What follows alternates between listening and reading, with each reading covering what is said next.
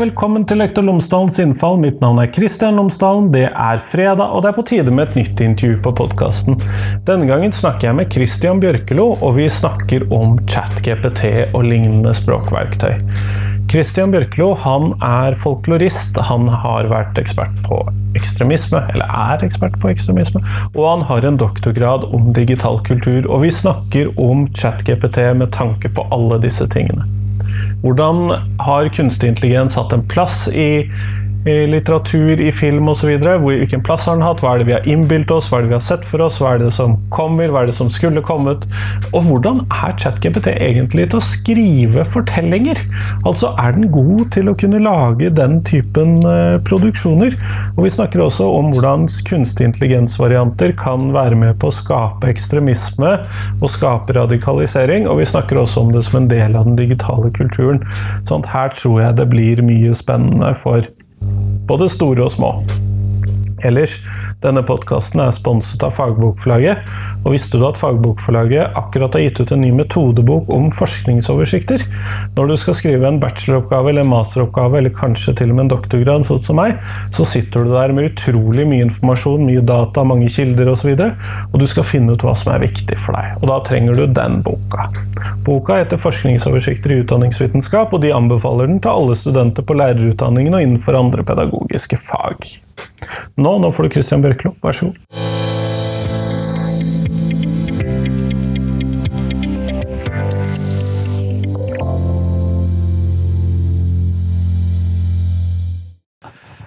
Christian Bjørklo, tusen takk for at du har tatt deg tid til meg i dag. Bare hyggelig. bare hyggelig.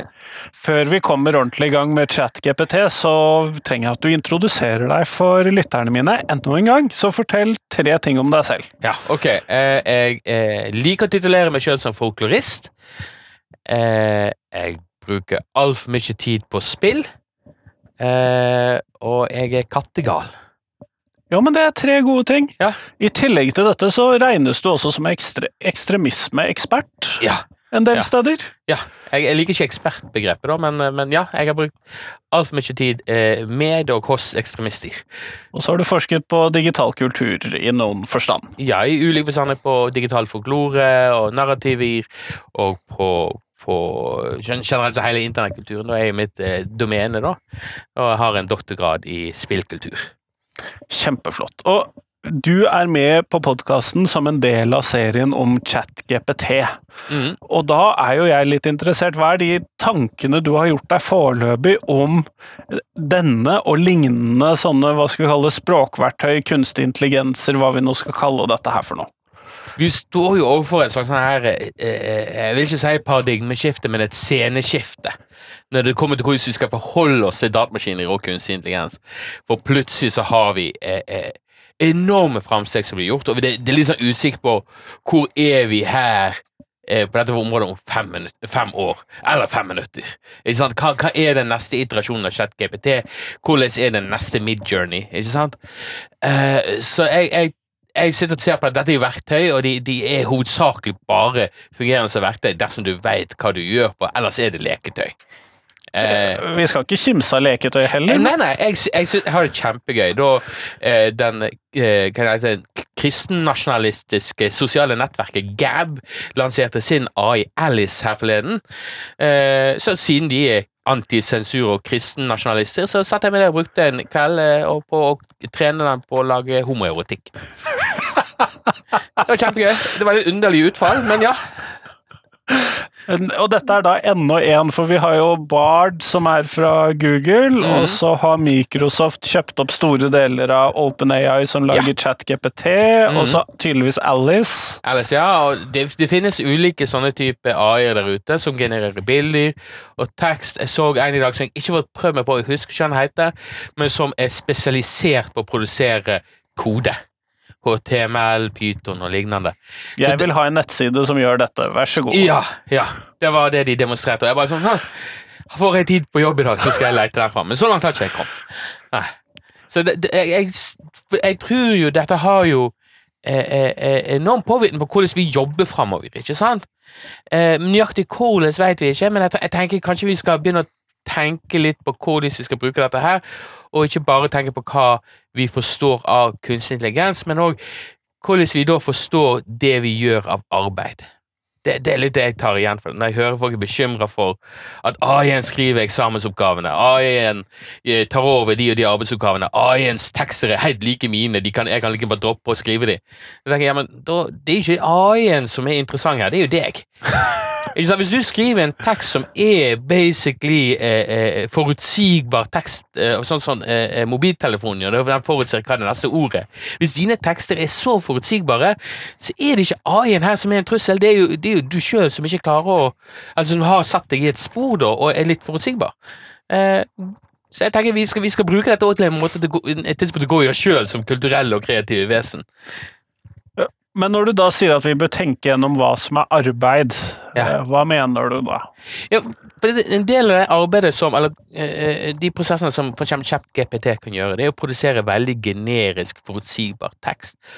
Eh, Dette er jo en, trussel for en del som sitter og har det som jobb å produsere rapporter og produsere eh, Skjemaer og vedtak og sånn. Altså her, her kan man jo erstatte veldig mye av arbeidsbyrden med en AI etter hvert. Eh, ikke sant? Dersom det er eh, eh, formularer, hvis det er forutsigbar, liksom sånn eh, veldig eh, skjematisk tekst du produserer, så kan du like godt la en AI gjøre det, så kan du bruke kanskje bedre tid på å fatte bedre vedtak. Ikke sant? Altså at bruke mer tid på brukeren enn på å skrive eh, eh, det samme vedtaket ti ganger. Jeg er slem nå, jeg vet, men, men det handler om, om at vi kanskje skal, skal se på dette som en mulighet heller enn enn å bli livredd for at det erstatter oss. For det tror jeg det ikke gjør. Sånn at her så trekker du inn noe at vi fikk jo med jordbruksrevolusjonen og med en industrielle Mm. revolusjon osv., så, videre, så gjorde færre mennesker gjorde Flere mennesker gjorde færre ting, eller flere ting samtidig, Ja. fordi at maskinene tok over oppgavene, Ja. og så kunne de gjøre andre ting Ja. isteden. Og det, det tror jeg AI-en er godt egnet til å gjøre. Men den kan ikke erstatte Iallfall slik som den er nå, så kan den ikke erstatte the human touch. Altså det er lille eh, eh, eh, eh, ekstra som gjør oss til kreative, skapende mennesker, ikke sant? Men det utfordrer oss til å kanskje være litt mer kreative og være litt mer menneskelige i det vi gjør, og, og slutte å gjøre ting på automatikk. For det, det fikser AI-en. Egen eh, fremtidig, om fem år, Nav sin sånn der eh, vedtaksskriverrobot. Vedkommende skal ha ja, Ja. fordi Og så mye. Ja. Fiks det. Fiks det. Ja, men det kan jeg fint gjøre. For da, trenger, da trenger den ikke å, å hente inn mer data, for den har all dataen, så den trenger bare å vite hvilket eh, eh, eh, klarspråkskjema den skal bruke. For det, må jo inn her, sånn, et tydelig språk. Eh, ChatGPT har et veldig dødt og kjedelig språk, og det kan være greit sånn i saksbehandlersammenhenger, eh, eh, men man må hele tiden sørge for at dette det går gjennom et filter for klart språk. Så det, det hadde vært en interessant utfordring for utviklere der ute, å lage en klarspråkbot.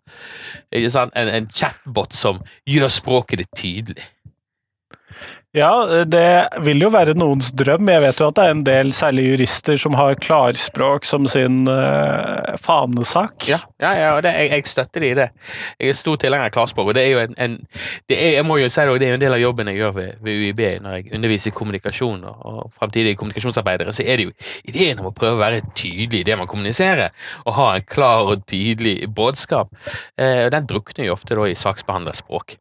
Du er ikke redd for at eh, nettopp sånne kommunikasjonsjobber skal være de som forsvinner? Jeg vet at det er de som, de det som er redd for det, da, men jeg, igjen så er det du, du leser jo forskjellen på en tekst som er skrevet av en bot, og en som er skrevet av et menneske. Hvis du ikke gjør det, så er det deg sjøl du må gå i, tenker jeg. Ikke sant? Altså, det, det er noe med at det er tørt, det er kjedelig, og det er forutsigbart.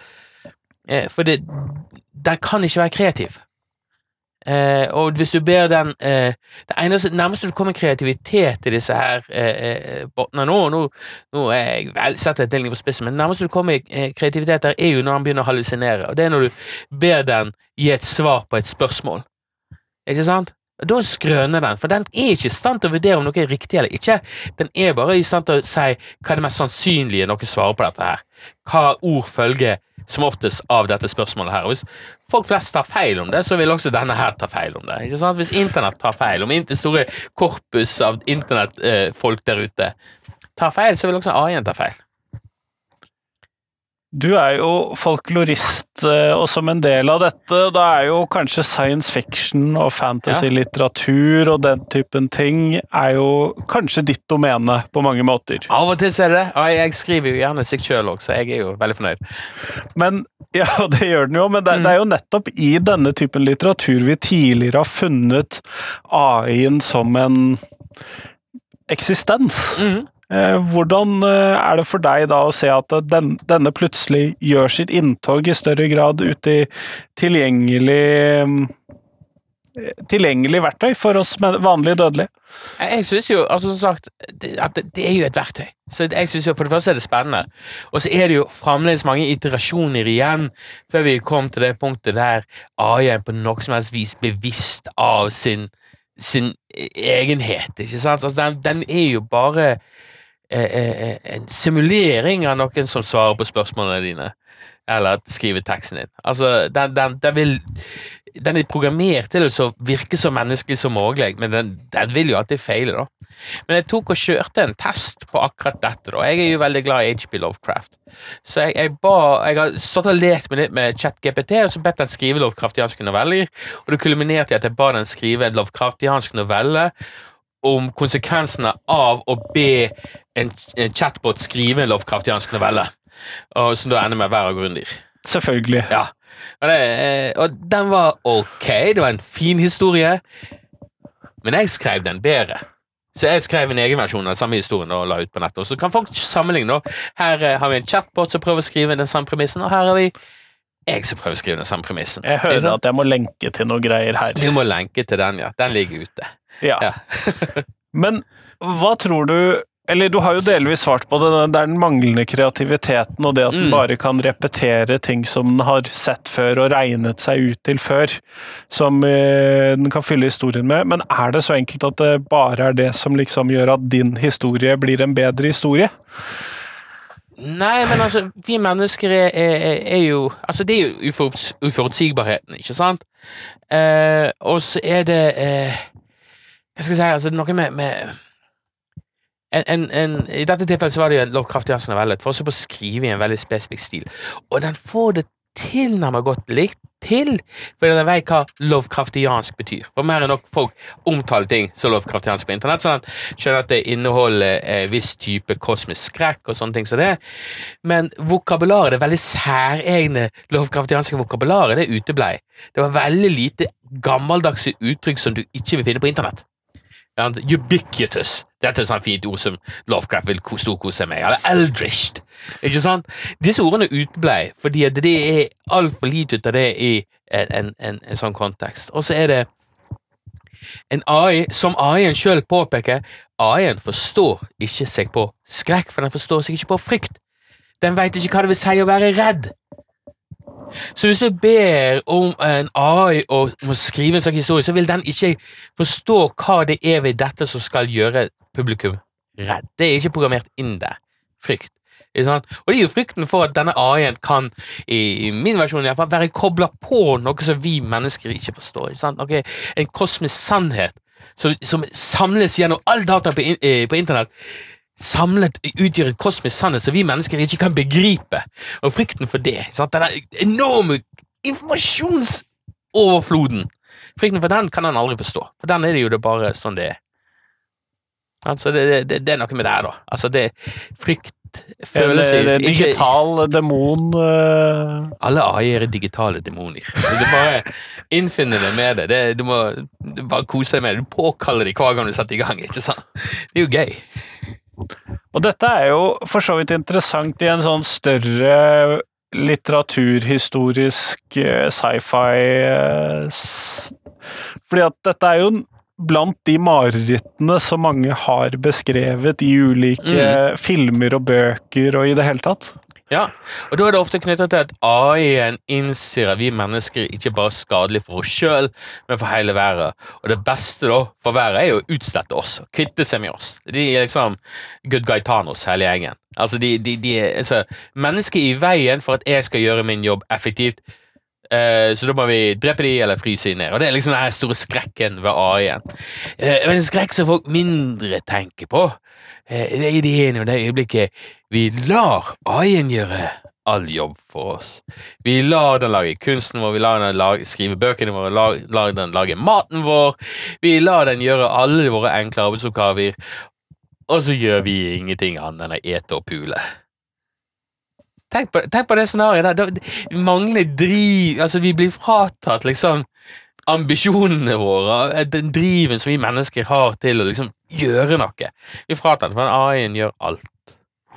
Det er jo eh, litt at jeg skrev noe på en litt sånn positiv fortegn i, i Culture-serien til, til uh, han Ian Banks, nå avdøde humanisten. Han skrev jo en lang serie med romaner om The Culture, en verden der AI hadde bare tatt over all administrasjon og alt arbeid for mennesker, og alt vi gjorde var eh, bokstavelig talt ete, pule og skifte kjønn fram og tilbake. Fantastisk. Eh, Jeg spurte han om dette, hvorfor, hvorfor det? Så, nei, det bare virker, virker som en fornuftig ting å gjøre i løpet av livet, liksom.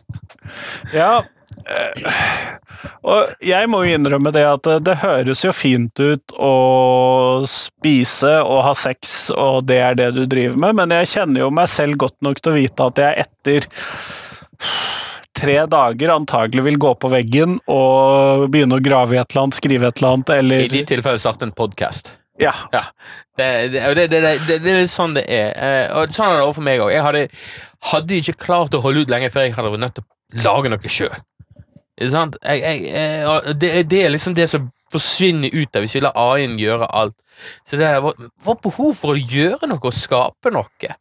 Det er der alltid. Jeg, jeg har aldri vært redd for de som eh, når man snakker liksom om For ta liksom skiftespor fullstendig, man snakker om frykten for navere. ikke sant? Om folk som lever på sosialen og lever av staten, og de er ubrukelige. Så de er jo ikke det. At har de lyst til å gjøre noe. og lyst, alle mennesker er drevet mot liksom å gjøre ting. Ingen er drevet til å holde sengen hele dagen, med mindre de har, har problemer og, og, og trenger hjelp, ikke sant? Så, så jeg, jeg, jeg, jeg, frykter mest den der at vi skal resignere og la AI-en ta over. Jeg tror ikke han vil gjøre en like god jobb som oss heller, men, men der legger jeg et fint skrekkscenario, da, så jeg kan ikke beskrive seinere. Og det ligger jo da der som en dystopi, men kanskje skjult i en utopi, når man Ja. tenker over at denne du kan være akkurat så fri som du bare vil. Ja. Ja. Men hva skal du gjøre med all den fritida? Herregud. Ja, det er ikke bra. Det er ikke bra.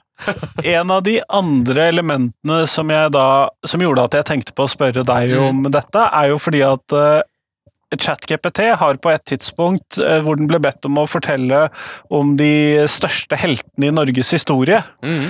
så trakk han fram en viss uh, Oslo-borger uh, som i 2011 ble berømt for all ettertid, Ja. mest sannsynlig. Altså Anders Behring Breivik på mm. førsteplass i denne listen.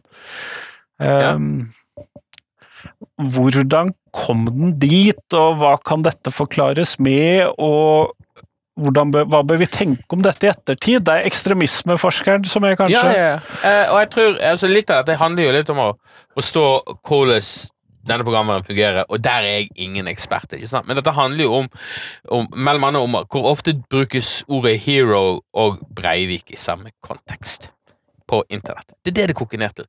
Ofte nok til at ChatGPT mener det er en sannsynlig sammenheng mellom disse ordene. Og det kan jo være det, det, det er to forskjellige forklaringsmodeller for en sånn ting som det, for i, i mitt hode sånn på sparket. Det ene er at vi har en del mennesker som dyrker Breivik og omtaler ham som en helt, og så har vi en haug med akademikere, forskere og journalister som skriver om disse folkene. Som ser på Anders Behring Breivik som en helt. Ja, Så derfor blir helt og Breivik kobla sammen.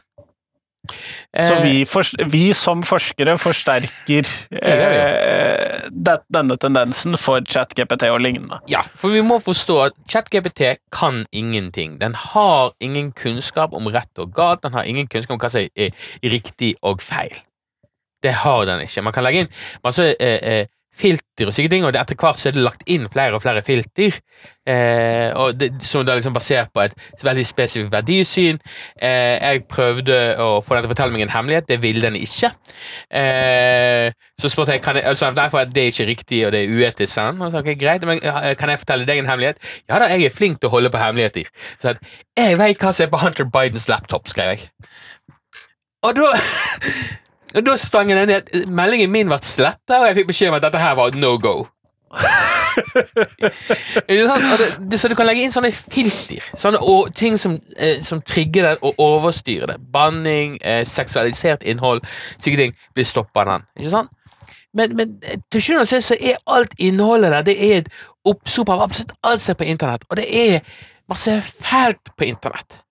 Og det er ikke alt de som lager disse filtrene, kan være i stand til å tenke på. Ikke sant? Vi, har, vi, er, vi er antagelig ikke kreative nok til å tenke ut disse mulighetene heller. Nei, sånn så når eh, eh, Det har jo òg dette fine tilfellet som, som eh, Jill Walker Rettberg eh, har trukket frem ved et par høve, der eh, hun får eh, ChatGPT til å snakke om Torbjørn Egner og omtaler han som en nazist. Ja, men eh, Hvorfor skjer det? Så, så må du begynne å tenke okay, hvor i all verden kan man få den ideen fra? Må man, må man begynne å google så kan dette stemme? Ikke sant? Var Torbjørn Egner nazist? Eh, og det finnes da et par artikler der ute der disse begrepene henger sammen, hvis du ser på Google-søk. ikke sant? Eh, det er noen som kritiserer kardemommelova som, som fascistisk. Er litt sånn eh, underlig kritikk, syns jeg. Eh, men det og, Libertariansk, kanskje, mer enn noe? Ja, ja. Eh, jeg, og så kan vi snakke liksom linjene mellom fascisme og libertarianisme. De, de, de er interessante. Eh, det er en annen podkast. Eh, men eh, så har du også eh, en kritikk av hvordan Torbjørn Egner sin, sine Karius og Baktus endrer seg fra bok til Ivo Caprino og om hvorvidt inneholder liksom antisemittiske stereotypier. Det finnes liksom sånne ting som det der, som har gjort at det er nok innhold her at den kom med den påstanden. Jeg fant ikke da, jeg har ikke funnet grunner til at min eh, satiriske artikkel som kom ca. samtidig som disse snakkeriene Jeg skrev en, en bloggpost da, i min, min gamle satireblogg der jeg, jeg oppdaga at det var melodien i eh, Nå må jeg huske eh, Kaptein eh, Sortebil og eh, nå må jeg huske Jeg tror på Vikingtokt er det samme. Og derfor var det åpenbart egne frontkjemper. Men hadde den ligget ute på nettet, så hadde det kanskje endt opp med at, at ChatGPT hadde plukka det opp. Ikke sant? Eh, og så ja, Torjen Egner var den siste frontkjemper. Altså, den har ingen, ingen evne til fact-check det som er sagt. Så når du da har et innhold som er stappfullt av ekstreme, eh, polariserende meninger eh, som en del av dette korpet, så ingen måte å sile ut hva som er sant og ikke. Det er konspirasjonsteorier, rasisme i massevis. Så blir det slik. Og det er en grunn til at Et av de første her, eh, offentlige eksperimentene med, med en, en, sånn chat-eye, det var jo Tay, tror jeg det heter, som slapp løs på Twitter. Og det tok litt sånne der, eh, eh nanosekunder fra den gikk fra 'Hei, alle sammen, jeg er en AI her for å lære', til den begynte å spy ut rasisme og antisemittiske konspirasjonsteorier. For det var det Twitter gjorde? Ja. Ikke sant? Så du, du Vi må bare erkjenne det at disse, disse AI-ene kan ikke hjelpe oss å bli bedre mennesker på noen som helst måte, for den, de vil like fullt Uh, uh, uh, så eller rett og slett uavhengig av alle filtrene vi stapper på, gjenspeiler også våre verste sider og, og våre alle feilene vi, vi, vi har, både eh, som, som, mennesker, som moralsk, og, men også som, som kunnskapsmessig.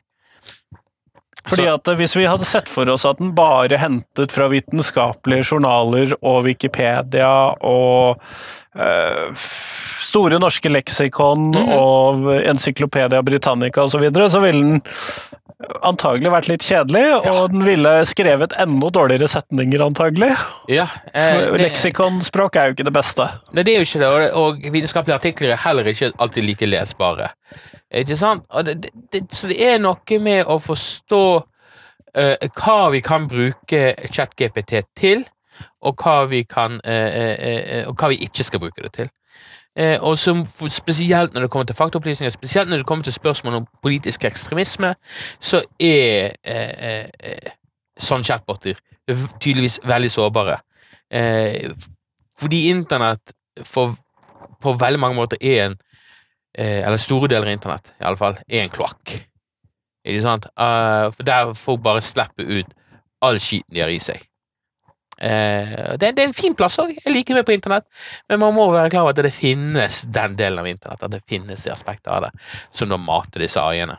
Og de fleste av oss som hører deg si dette nå, er jo antagelig ikke på de delene av internett. Nei, og det er litt det. det sant? De, de, de færreste har mine hobbyer for, for hva slags nettside de oppsøker. Og det, takk og pris for det. Det er ikke, det er ikke pent der ute. Uh, så så jeg, jeg, jeg er litt mer var for, for at man skal eh, eh, tro at slik disse AI-ene er nå, at de representerer en, en faktabase, da.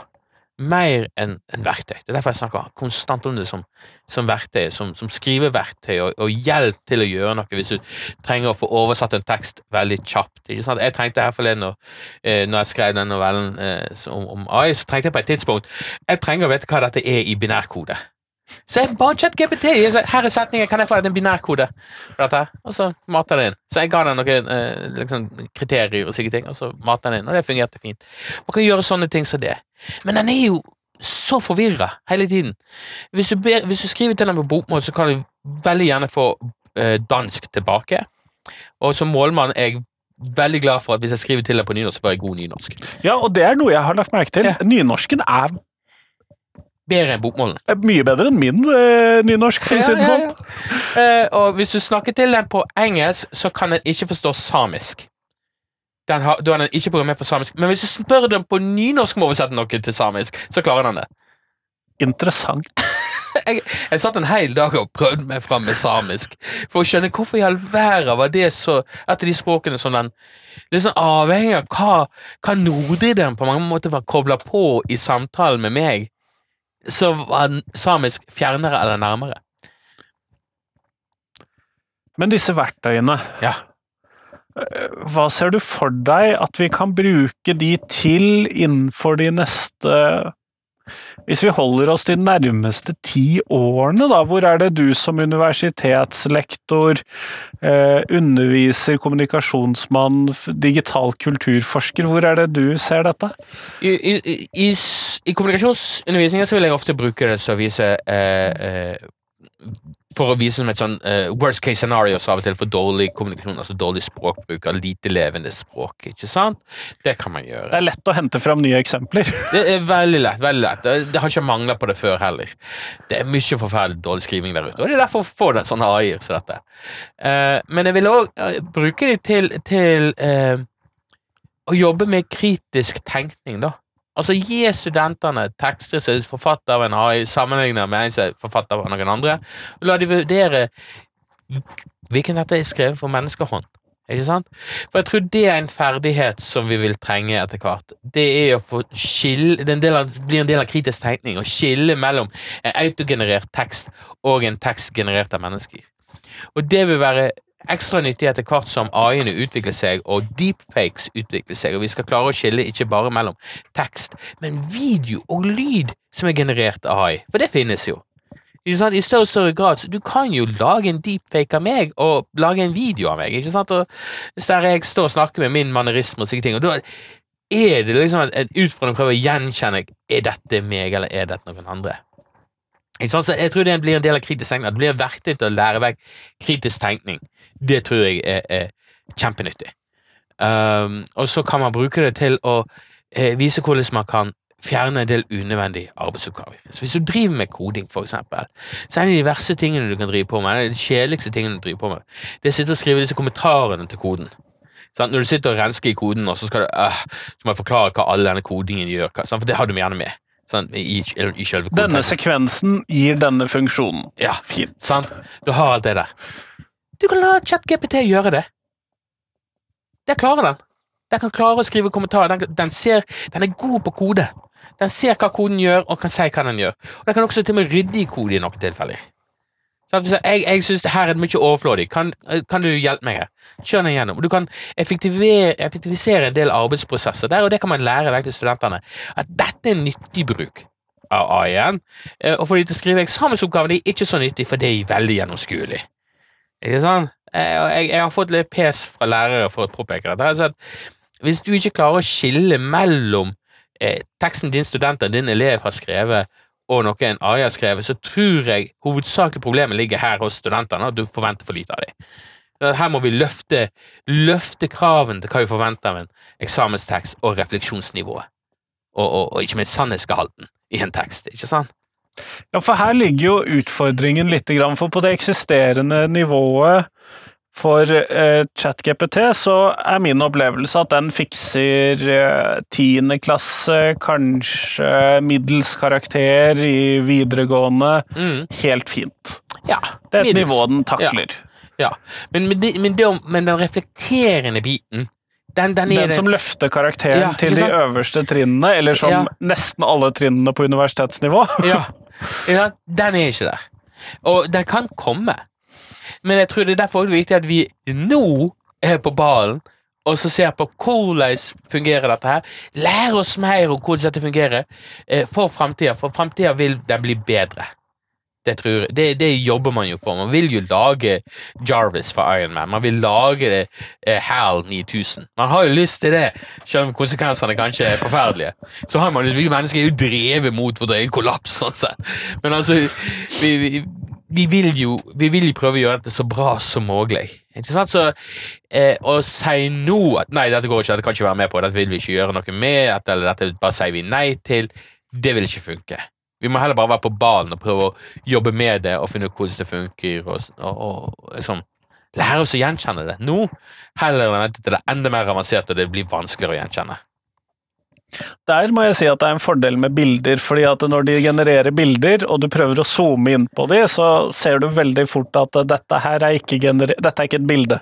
Ja, det gjør det. Og den klarer ikke hendyr. Klarer, AI, disse her kunst-AI-ene klarer ikke hendyr. Veldig sært. Det er gjerne ofte en finger for mye. Ja. Ta Test det, liksom. Jeg, har, jeg, jeg, bruker, jeg bruker det en del for å leke med litt. Jeg har bilder av meg sjøl som pave og sykt. Eh, fordi, you know, eh, av og til er det nødvendig å ha. Eh, men da, da opplever jeg ofte at, at hendene er, er dårlige, og det er alltid et eller annet i veien. Fordi den, den, den veit ikke hva den setter sammen. At den henter jo ting bare fra en svær bildedatabase. Og disse bildedatabasene er jo svære etiske atombomber. Ikke sant? For ikke bare er det henta fra levende kunstnere ikke sant, som øh, den kopierer, men den mange av disse her korpusene inneholder øh, øh, lege, altså bilder fra legejournaler. Og inneholder overgrepsmateriale. Altså Det er liksom listen på liste over hva som blir mata inn her for å skape disse kunsteierne. Det er liksom, det har vært ingen, ingen utluking. Alt er bare blitt dumpa inn. Så det er svære etiske utfordringer med det. Uh, så, og igjen, så, så hvis vi skal veksle dette her på, inn på, på ekstremisme og slike ting, det å bruke AI til å generere falske bilder falske fotografier for å kolportere eh, konspirasjonsteorier eller propaganda, den, den muligheten ligger der i framtida. Den er ikke så god nå, men den ligger der, og det er noe vi også må være obs på. Igjen, eh, eh, vi må på ballen nå og lære mest mulig om dette. Kan vi da risikere å stå der med hva skal vi kalle Sions vises protokoller eh, versjon 5.0? Ja, det tror jeg. På et eller annet tidspunkt så vil vi få fotobevis fra den store jødiske konspirasjonen. Eh, og da bør, bør vi være raske nok på banen til å kunne gjenkjenne ikke bare fotoeksperter, men alle som jobber på må være i stand til å kunne gjenkjenne og vise hvorfor dette ikke er ekte. Ja, vi må gjenkjenne disse deepfakene for det de er. Eh, og, ja, vi har, vi har en jobb framfor oss, tror jeg. Eh, men heldigvis, vi har også AI-er som kan hjelpe oss med å avsløre disse tingene, så det er jo veldig bra. vi, vi, vi, nei da, dette blir ikke et problem. Jeg, jeg hører jo at du peker på noen etiske utfordringer her, både nåværende og datainnsamlingsmessig, men også i bruken og Mm. motbruken og ja, medbruken og i det hele tatt. ja, jeg, jeg tror eh, vi, vi kommer til å ha interessante tider framfor oss med AI, eh, men, men så lenge vi holder hodet kaldt, og så lenge vi vi lærer oss å bruke det som verktøy, så tror jeg vi kan komme veldig godt ut av det. Det tror jeg. Eh, og bare liksom luke ut en del unødvendig arbeid og, og, få- og generere eh, og bruke mer tid på det, det, det viktige arbeidet vi skal gjøre. Liksom. De, fatte de riktige vedtakene og, liksom, og, og prosessere informasjon. Så en ting er sammendrag av lange tekster. Eh, En kan- unødvendig studentoppgave i fremtiden. ja, det er det jo. Det er det jo, Men det er jo ikke det, det vi vil at studenter skal gjøre på. Eh, hvis det er det du setter studentene dine til å gjøre, på, gjøre så, så syns jeg liksom Ja, greit man skal kunne lære det som en del av læringsprosessen. Men på en eksamensoppgave så er jeg litt mer opptatt om de klarer å, hva de klarer å reflektere rundt denne teksten de skrev et sammendrag om. Så Sammendraget er, er, er hovedsakelig kun for introduksjon til oppgaver. At du klarer å sammenfatte det. Men hva betyr teksten?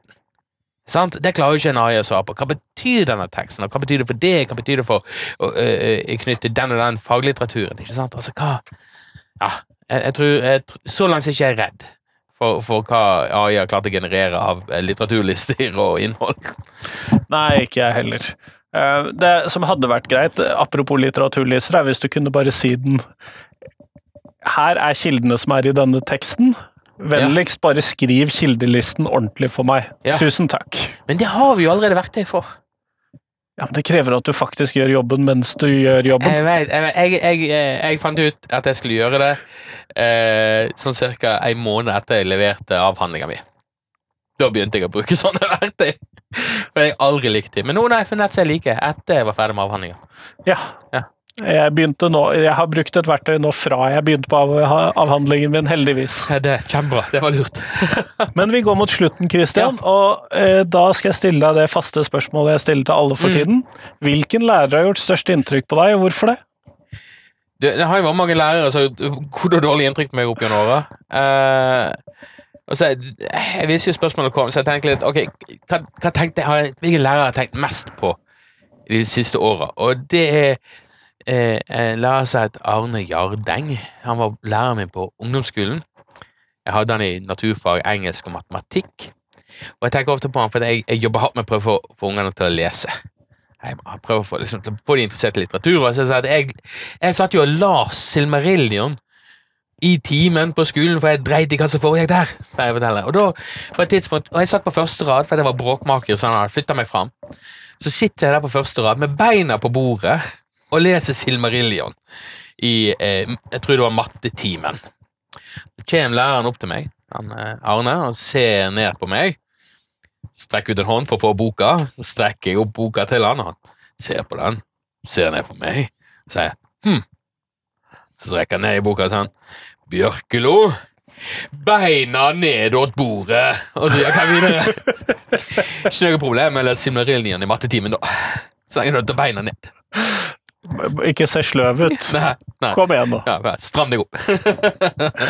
Kjempeflott. Tusen takk for at du tok deg tid til meg i dag. Bare hyggelig.